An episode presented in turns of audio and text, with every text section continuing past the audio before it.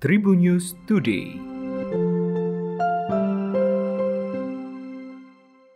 Halo, apa kabar Tribuners? Berjumpa kembali bersama saya Devi Rahma di Tribunnews Today. Devi akan berbagi informasi menarik hari ini, mulai dari info nasional, regional, selebritis, dan olahraga. Direktur Perlindungan WNI dan Badan Hukum Indonesia Kementerian Luar Negeri Juda Nugraha mengungkapkan, 138 WNI yang ada di Ukraina dalam kondisi aman. Juda menyebut para WNI ini paling banyak tinggal di Kiev yang merupakan ibu kota Ukraina. Selanjutnya ada yang tinggal di Odessa dan beberapa daerah lainnya. Pihak Kemenlu juga telah mengimbau para WNI untuk bisa mendekat dan berkumpul di KBRI Kiev. Namun, jika kondisinya tidak memungkinkan, KBRI juga telah menyediakan titik yang bisa dijadikan titik kumpul para WNI. Pemerintah juga memantau serangan ada di beberapa kota lain termasuk di Odessa. KBRI telah mengambil langkah yang diperlukan untuk menyelamatkan WNI di Ukraina sesuai rencana yang telah disiapkan.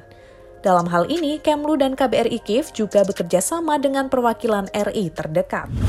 Kasus pemerasan modus wartawan gadungan terjadi di Kabupaten Bantul, daerah istimewa Yogyakarta. Diketahui yang menjadi pelaku dua orang wanita berinisial NS dan MA. Selain keduanya, ada pelaku lain seorang laki-laki berinisial AS. Sementara korbannya pegawai sebuah toko roti.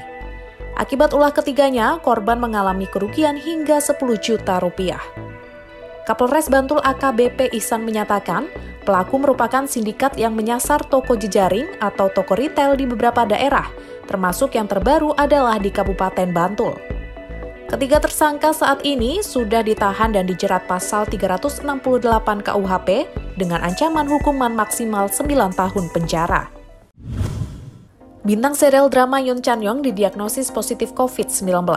Diketahui, Yoon Chan Yong merupakan aktor Korea Selatan yang kini tengah naik daun berkat drama All of Us Are Dead. Yoon Chan Yong tes positif COVID-19 dengan menggunakan alat tes mandiri sebelum syuting variety show GTBC As Us Anything pada 24 Februari.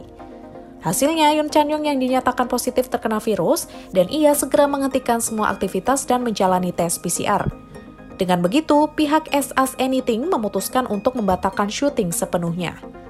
Sementara itu, Yeon Chan Young juga baru-baru ini telah syuting untuk episode mendatang dari The Six Sense 3 TVN sebagai bintang tamu. Skuad Indonesia akan mengikuti kejuaraan di Korea Open pada awal bulan April 2022 mendatang. Kejuaraan tersebut akan diselenggarakan mulai pada 5 hingga 10 April 2022.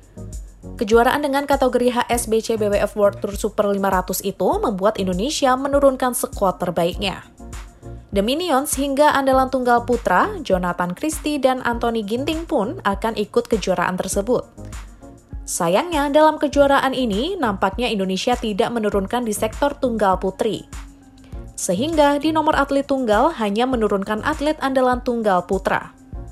Adapun di sektor tunggal putra, ada Jonathan Christie, Anthony Sinisuka Ginting, dan Cesar Hiren Rustavito. Demikian tadi empat informasi terupdate hari ini. Jangan lupa untuk terus mendengarkan Tribunnews Today hanya di Spotify, Tribunnews Podcast, dan Youtube tribunnews.com. Saya Devi Rahma pamit, sampai jumpa. Tribunnews Today.